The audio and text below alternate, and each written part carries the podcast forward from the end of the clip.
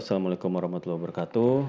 Masih sama gue Adit dalam Kasamilan Podcast dan uh, ini masih dalam masa uh, self karantin, dalam masa coronavirus, masa-masa sulit buat kita semua penduduk bumi. Gue cuma bisa mendoakan semoga hmm, gue pribadi dan juga keluarga dan juga teman-teman sekalian yang ngedengerin ini juga sehat-sehat selalu dan bisa menjaga diri dan keluarga semaksimal mungkin agar bisa survive dan selamat tanpa kekurangan apa pun dari uh, tragedi yang global ini gitu ya. Uh, tapi di tengah-tengah tragedi tadi bukan berarti kita juga berhenti untuk menonton eh menonton menonton sepak bola sih berhenti ya. Tapi berhenti untuk membicarakan sepak bola.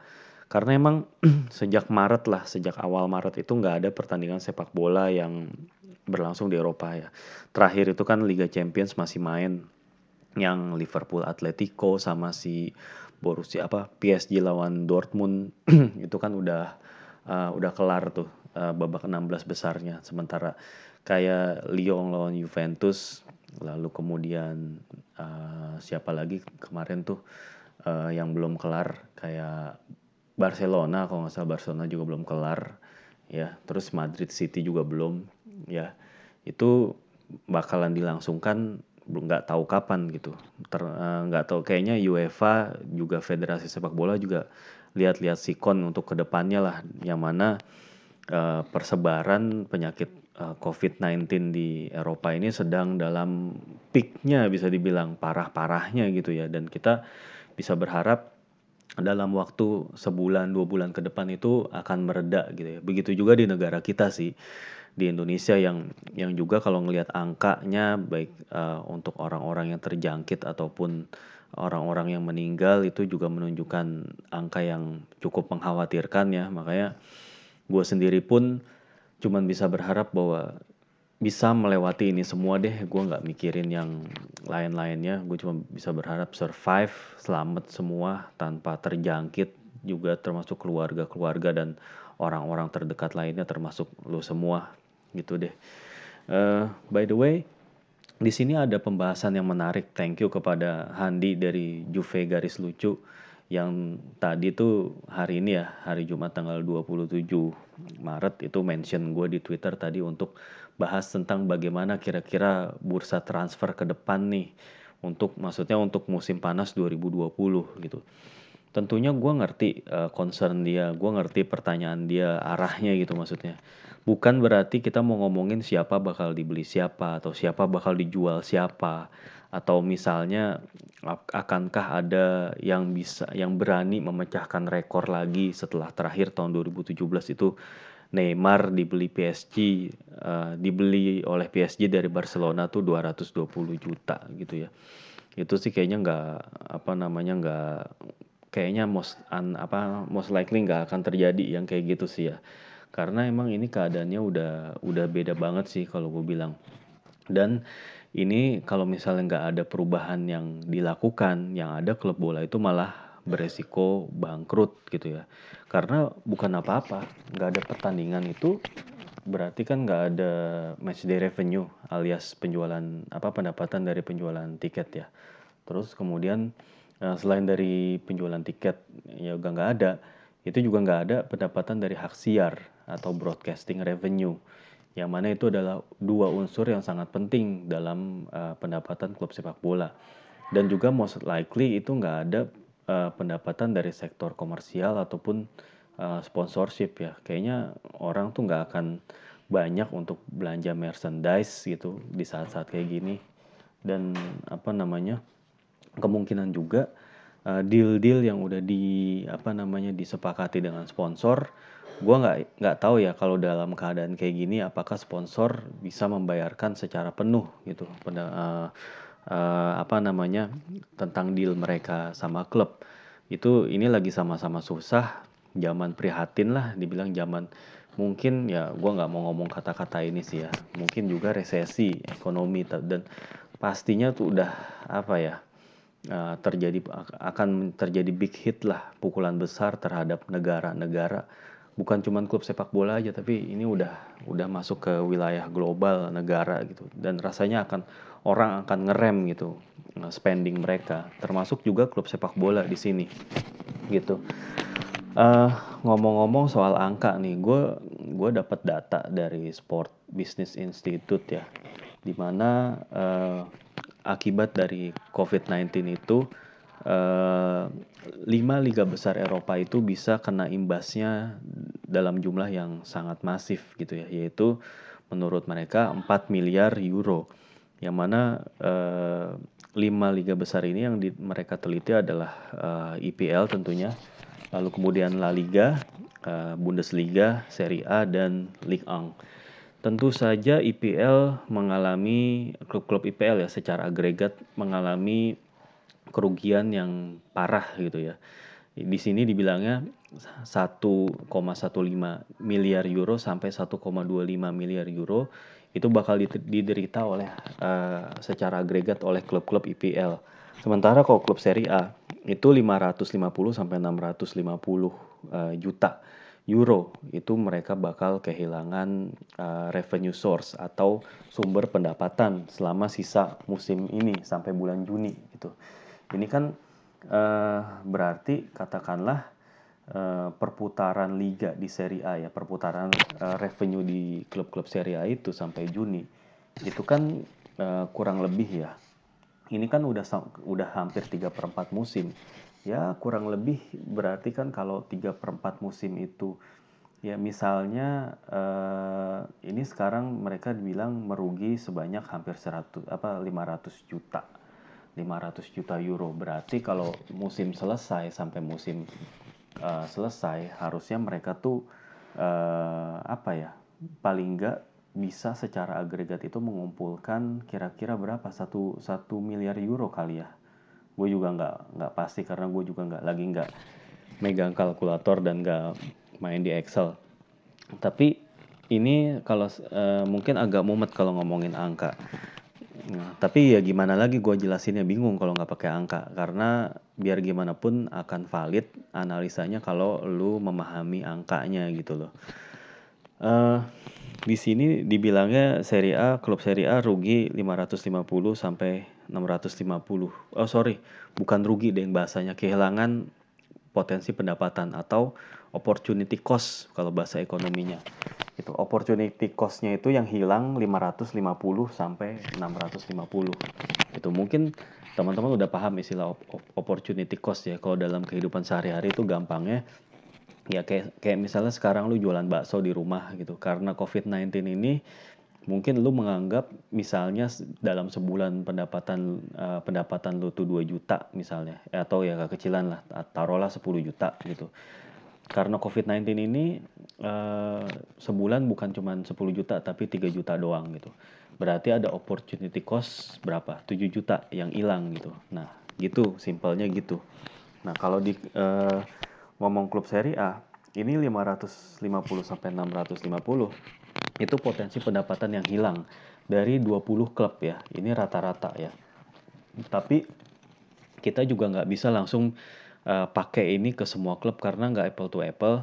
Pendapatan dan biaya dari masing-masing klub itu beda-beda. Klub kayak Juve nggak bisa dibandingin dengan Milan misalnya. Apalagi Juve dibandingin sama Lecce itu jauh banget gitu. Itu nggak bisa apple to apple tentunya. Di sini gue sih ngelihatnya makin gede pendapatan dari klub ya biasanya ya pendapatannya makin gede gitu. E, karena kejadian ini nah, potensi pendapatan yang hilang juga otomatis makin gede juga gitu. Nah terus e, sekarang e, ngomongin Milan. Gue di sini pakai pakai data dari laporan keuangannya Milan gitu ya untuk tahun 2018 2019 gitu ya.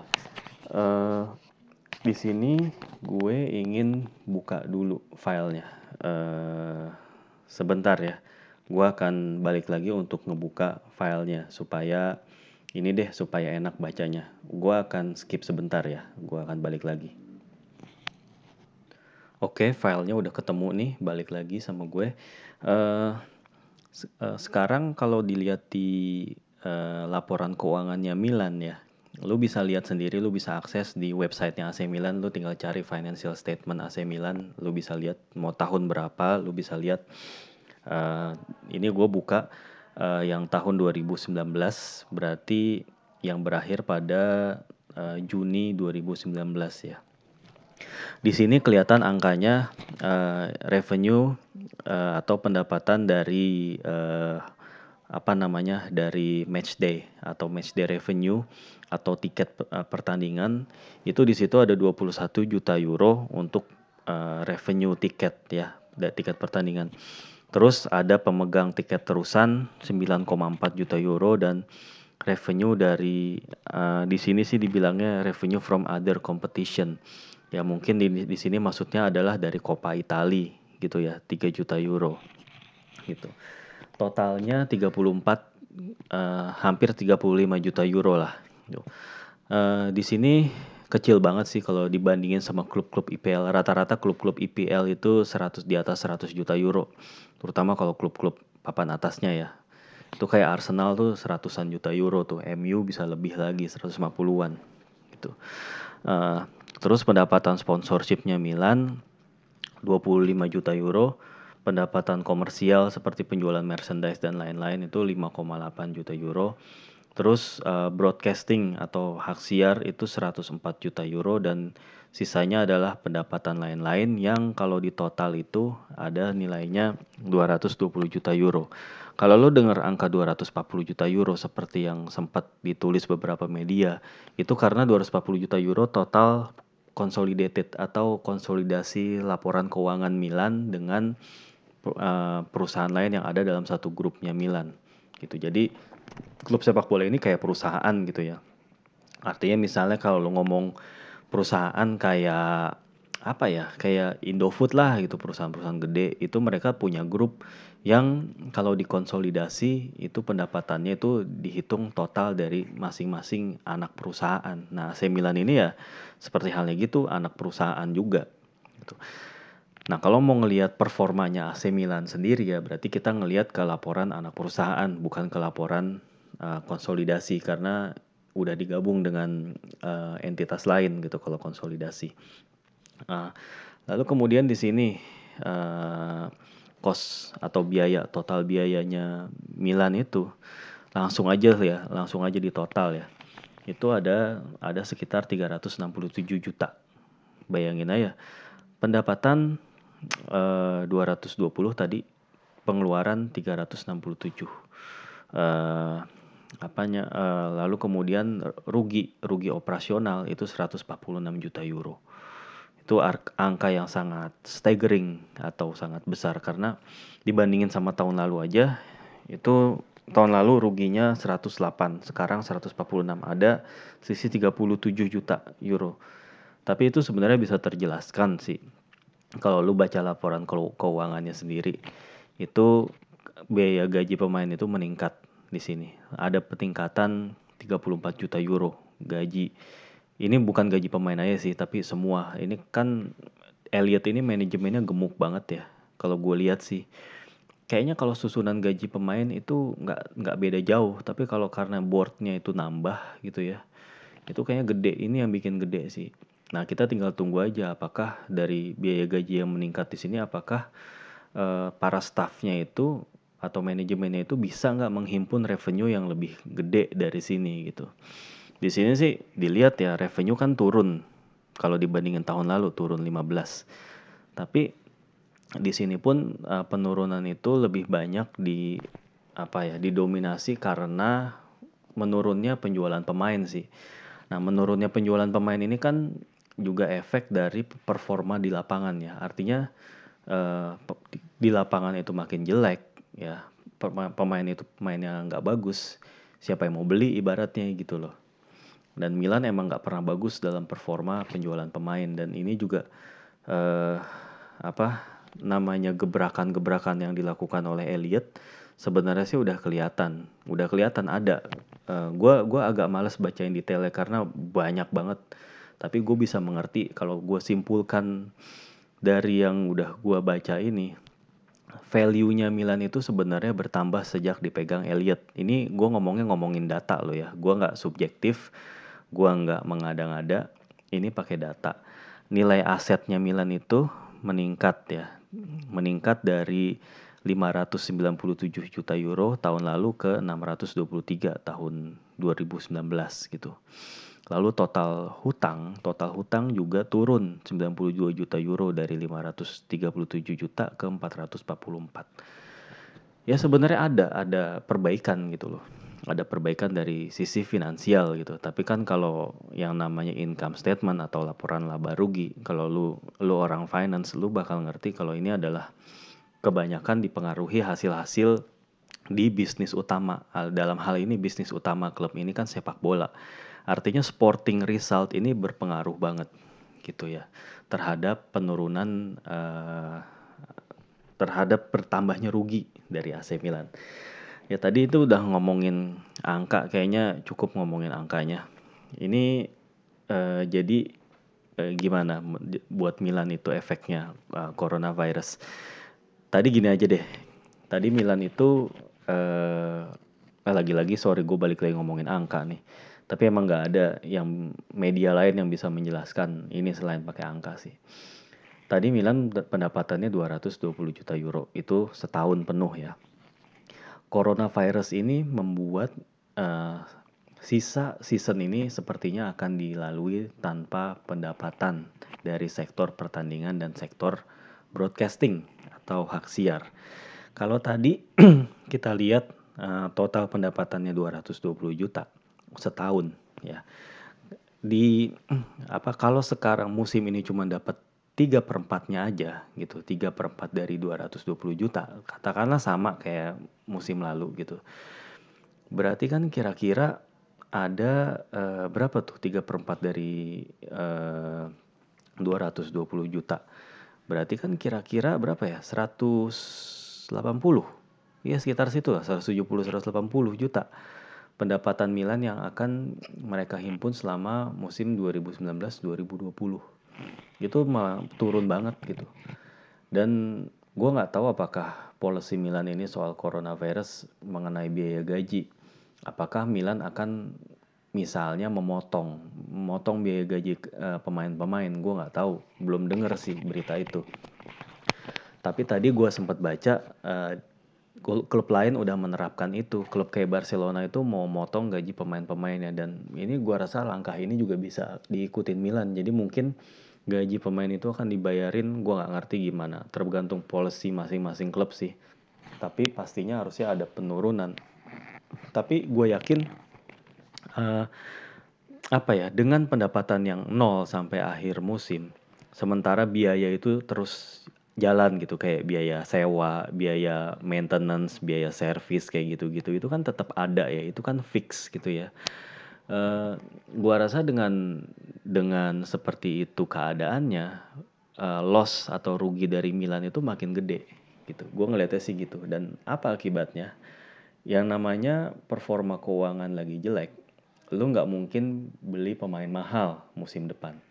Gue ya, gue rasa gitu. Kecuali kecuali kalau uh, dalam keadaan seperti ini, Elliot memberi uh, menyuntikkan gitu ya, menyuntikkan uh, dana uh, sebagai tambahan modal misalnya sehingga uh, apa namanya utang utang-utang kayak dilunasin kayak kerugian itu di cover diserap gitu oleh mereka gitu. Uh, tapi ya tetap aja sih nggak uh, bisa juga Milan itu menghambur-hamburkan uh, uang sementara pendapatan mereka juga belum tentu bisa bagus gitu untuk uh, musim depan gitu ya Artinya kan kalau lu belanja sekarang kan lu baru bisa panennya musim depan gitu. Sementara musim depan kita nggak tahu apakah orang itu uh, akan gimana ya banyak membelanjakan uangnya untuk sepak bola gitu karena COVID-19 ini dampak ekonominya gede banget gitu sehingga akan besar kemungkinan orang-orang itu akan ngerem belanja. Artinya kayak jumlah penonton mungkin akan berkurang. Orang nggak nggak akan banyak bepergian gitu eh, turis-turis asing. Kan banyak ya kontribusi turis-turis asing terhadap uh, penonton dari klub. Terutama IPL sih. IPL paling banyak banget. Gua rasa nih IPL bakal turun banget jumlah penonton asingnya musim depan. Serie A juga lah. Serie A juga walaupun nggak sebesar IPL ya jadinya artinya apa? Secara agregat itu pendapatan klub bukan cuma Milan aja sih itu bakalan turun. Artinya kalau pendapatan turun mereka juga harus ngerem dong. Uh, biaya gaji belum tentu bisa diturunin karena kontraknya itu udah berjalan dari sebelum uh, dari berapa tahun lalu gitu. Misalnya Cristiano Ronaldo lah di Juve gajinya 30 juta euro semusim. Lah terus kontraknya berapa? Tiga, tiga tahun ya tiga atau empat tahun lah gue lupa ya kan nggak gampang juga gitu lu untuk nurunin nilai kontrak dia. Misalnya eh Ronaldo lu gue bayar 15 juta aja ya gitu. Lu gue potong setengahnya. Ya ya kali bisa gitu. Belum tentu mau dia. Gitu loh. Ya gue nggak tahu juga sih dalam keadaan seperti ini apakah ada pengecualian atau ada bagaimana lah gitu ya. Tapi artinya kan nggak gampang gitu loh. Jadi gue sih ngelihatnya gini sih uh, klub-klub itu akan dalam posisi yang hampir sama sih dengan kondisi ini. Artinya nggak akan, gue ngelihatnya akan sulit menemukan klub yang superior banget di bursa transfer musim depan. Kecuali klub yang emang cash cash rich atau emang uangnya tuh banyak gitu secara cash banyak. Karena dari musim-musim sebelumnya, dari tahun-tahun sebelumnya mereka tuh beroperasi dengan profit gitu loh. Artinya cadangan kas mereka tuh besar gitu dan nggak mereka mungkin pengaruh COVID-19 terhadap performa keuangan mereka tuh nggak segede klub-klub lain misalnya gitu. Ya bisa aja klub-klub kayak Real Madrid, Barcelona atau MU mungkin ya atau uh, Bayern Munchen gitu.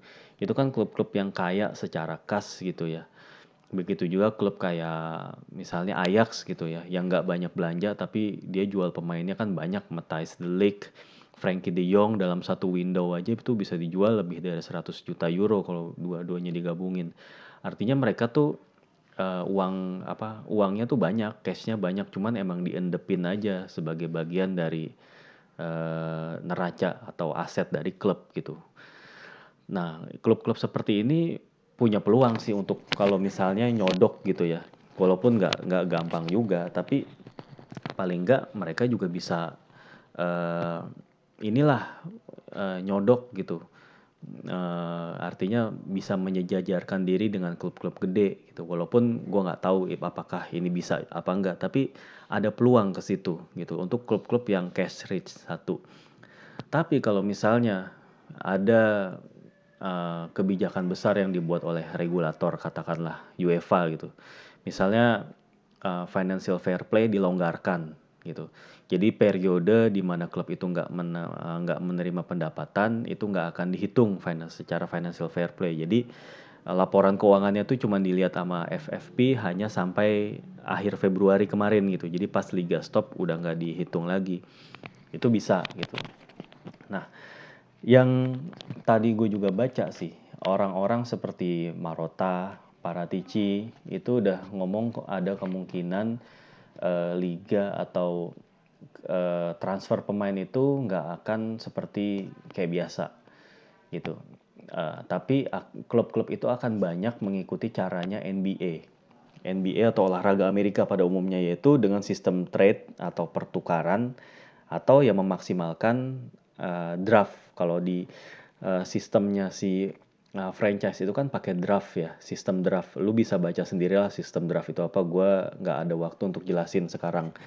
Tapi intinya kalau sistem draft itu kalau disamakan dengan sistemnya Eropa, sistem promosi degradasi itu adalah dengan cara uh, mengambil pemain dari akademi gitu. Intinya gitu kan kalau draft. Uh, kalau di draftnya NBA misalnya kan ngambil pemain-pemain dari NCAA, mana pemain terbaik yang dari NCAA gitu yang jadi first draft, second draft dan uh, seterusnya. Jadi Intinya ginilah klub-klub yang presta, klub yang prestasinya paling jelek musim tersebut akan mendapatkan jatah first draft dengan harapan supaya dia bisa dapetin pemain terbaik dari uh, akademi atau dari NCAA atau dari college lah gitu, college league sehingga dia bisa berprestasi lebih baik untuk musim selanjutnya kayak gitu-gitu. Ya. Uh, lalu ada kemungkinan juga akan diterapkan salary cap kali ya atau pembatasan biaya gaji karena ya dengan keadaan seperti ini gue nggak nggak yakin apakah pemain bola itu uh, akan apa ya bisa dibayar dengan gaji yang gede banget super gede itu kelihatan jadi kalau kayak gitu sepak bola tuh kayak jadi olahraga yang nggak sensitif banget gitu sama keadaan dunia gitu di saat orang-orang lagi berusaha memulihkan ekonomi, orang-orang lagi menata hidupnya, menata ekonominya kembali, ya kali pemain-pemain bola tuh masih kayak ongkang-ongkang kaki dengan gaji yang super gede, kontrak yang super gemuk gitu. Kayaknya nggak sensitif banget kalau kayak gitu. Ya. Gue yakin akan ada perubahan sih, tapi ya ini balik lagi tergantung seberapa parahnya. Kalau apa ya, eh, corona ini makin ternyata makin parah ya, semoga enggak gitu perubahan yang ada itu makin gede dan makin drastis gua rasa dan ini akan dilakukan guna melindungi klub-klub sih supaya nggak kolaps ya supaya nggak bangkrut dan supaya bisa ikut kompetisi Eropa kayak gitu uh, jadi emang ya mungkin bakalan ada pertukaran nah kalau kayak gini uh, artinya gimana kalau dengan adanya banyak klub itu melakukan pertukaran pemain daripada ngebeli dengan harga mahal gitu. Artinya uh, secara kompetitif gua rasa akan lebih sedikit ya, sedikit lebih apa ya, lebih imbang lah gitu. Nggak bisa dibilang imbang 100% karena kalau ngomong di Italia nih, ya Juve tetap yang terkuat. Maksudnya ya nggak mungkin Juve nggak mungkin juga Juve jadi yang selemah itu gitu. Karena ya mereka tetap punya uang yang banyak gitu.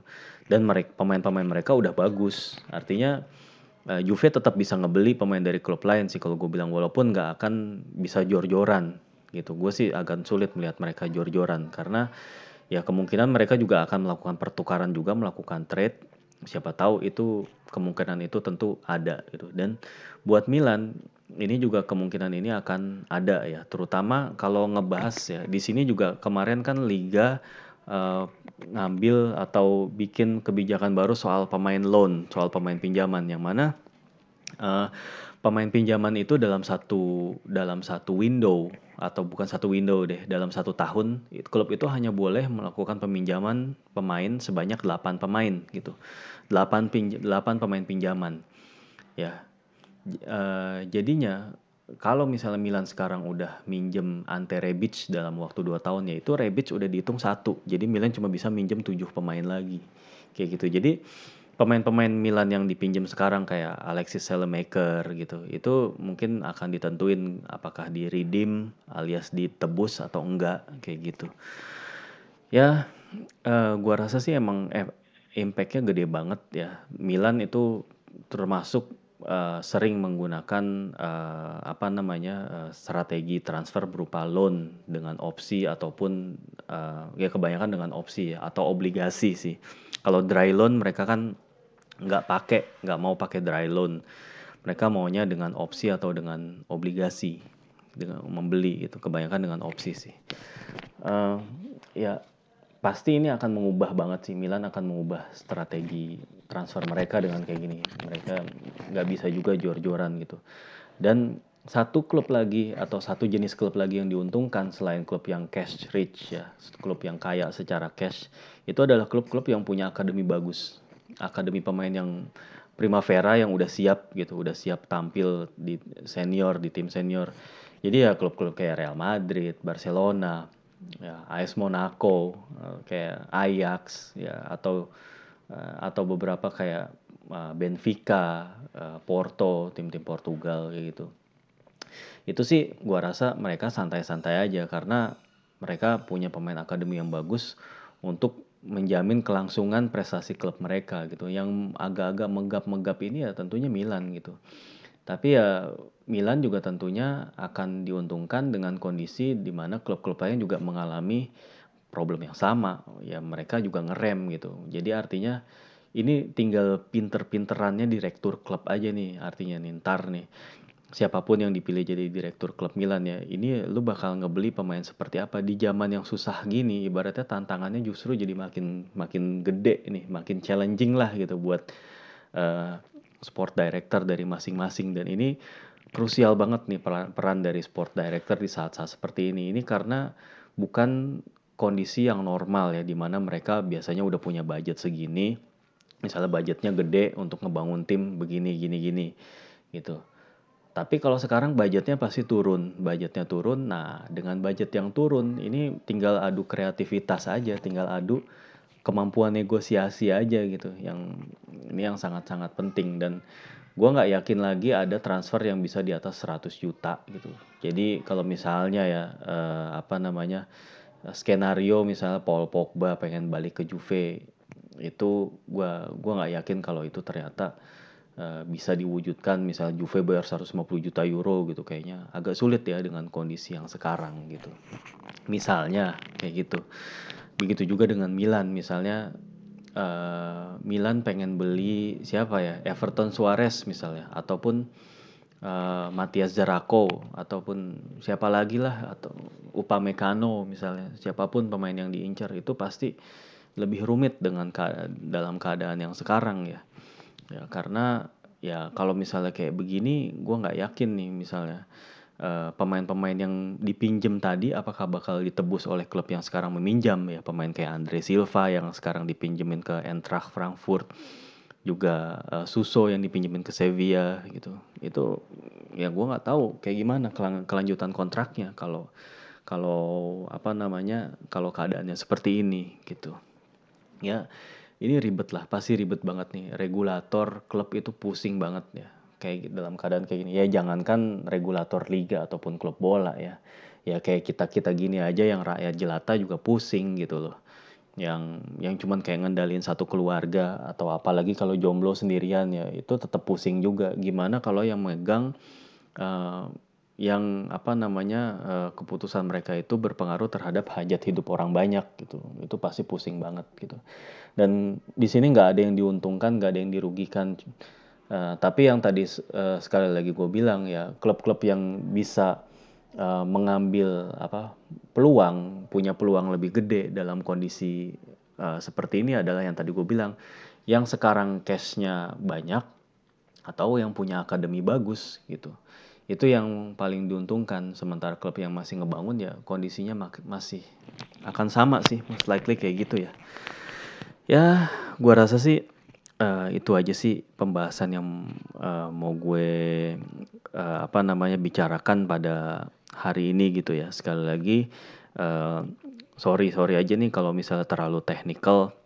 Sorry kalau kurang bisa dimengerti ataupun ada kesalahan-kesalahan dari analisa kalau emang lu punya pendapat ya lu bisa kemukakan pendapat lu lah gitu.